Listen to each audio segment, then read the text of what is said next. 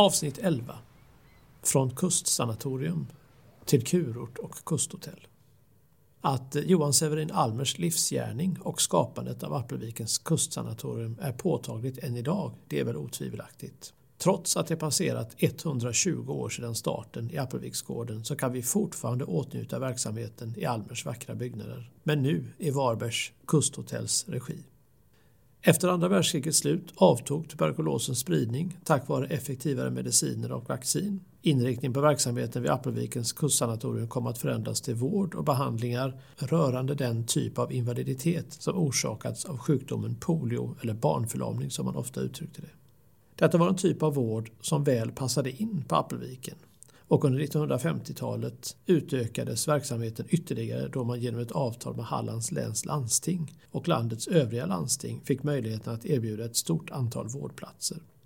Utöver poliopatienter kom senare även patienter med andra ortopediska åkommor, landstingets vårdyrkesskola samt långvårdspatienter. Långvård var en annan benämning för vård i livets slutskede. År 1967 ändrades namnet på Appelvikens kustsanatorium till Appelvikens sjukhus och verksamheten rullade på i drygt tio år till. Vid denna tidpunkt övertog landstinget hela sjukhuset som då hade blivit väldigt slitet och omodernt. Där frågan om sjukhusområdets vara eller inte vara och framtid väcktes. 1972 invigdes Varbergs stora lasarett där all verksamhet till slut hamnade och landstinget valde att på 1980-talet försälja hela sjukhusområdet med byggnader och allt. Området var i ett så pass dåligt skick att många röster höjdes för en sanering av området där byggnaden skulle rivas och nybyggnation skulle komma att bekläda hela det gamla sanatorieområdet. Under 1980-talets mitt lät man även ett filmteam nyttja lokalerna och omgivningarna för inspelning av filmen War Dogs krigshundarna. En blodig historia som, när man känner igen miljöerna, får ett något töntigt intryck över sig.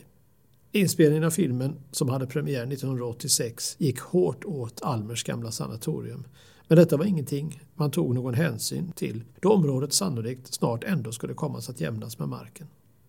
1985 så sålde så Hallands läns landsting hela området till en byggmästare vilken planerade för rivning av de gamla byggnaderna och uppförande av nya enligt tidens smak och arkitektur. Varbergs kommun använde då sin förköpsrätt och räddade med andra ord byggnaderna undan rivningshotet. Man utlyste dessutom 1987 en idétävling beträffande områdets framtid. En tävling som vanns av Contekton arkitekter och deras förslag att skapa norra Europas modernaste kurortsanläggning med inriktning på rekreation, rehabilitering och konferens. Anläggningen skulle bygga på traditionerna ifrån Varbergs kurort samt Almers idéer om solens ljusa och värmande strålar.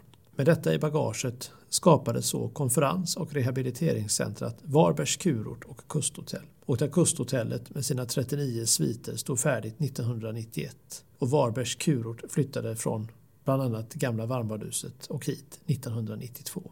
Det var Svea rikes talman tillika Varbergssonen Ingemar Bengtsson som detta år, alltså för exakt 30 år sedan, fick äran att inviga anläggningen, något som nu mynnat ut i det fantastiska Varbergs kusthotell. Johan Severin Almer hade som sitt motto sol, bad, frisk luft och näringsriktig kost. Dessa viktiga och underbara beståndsdelar i livet står fortfarande kvar som ledstjärnor även nu hos Varbergs kusthotell.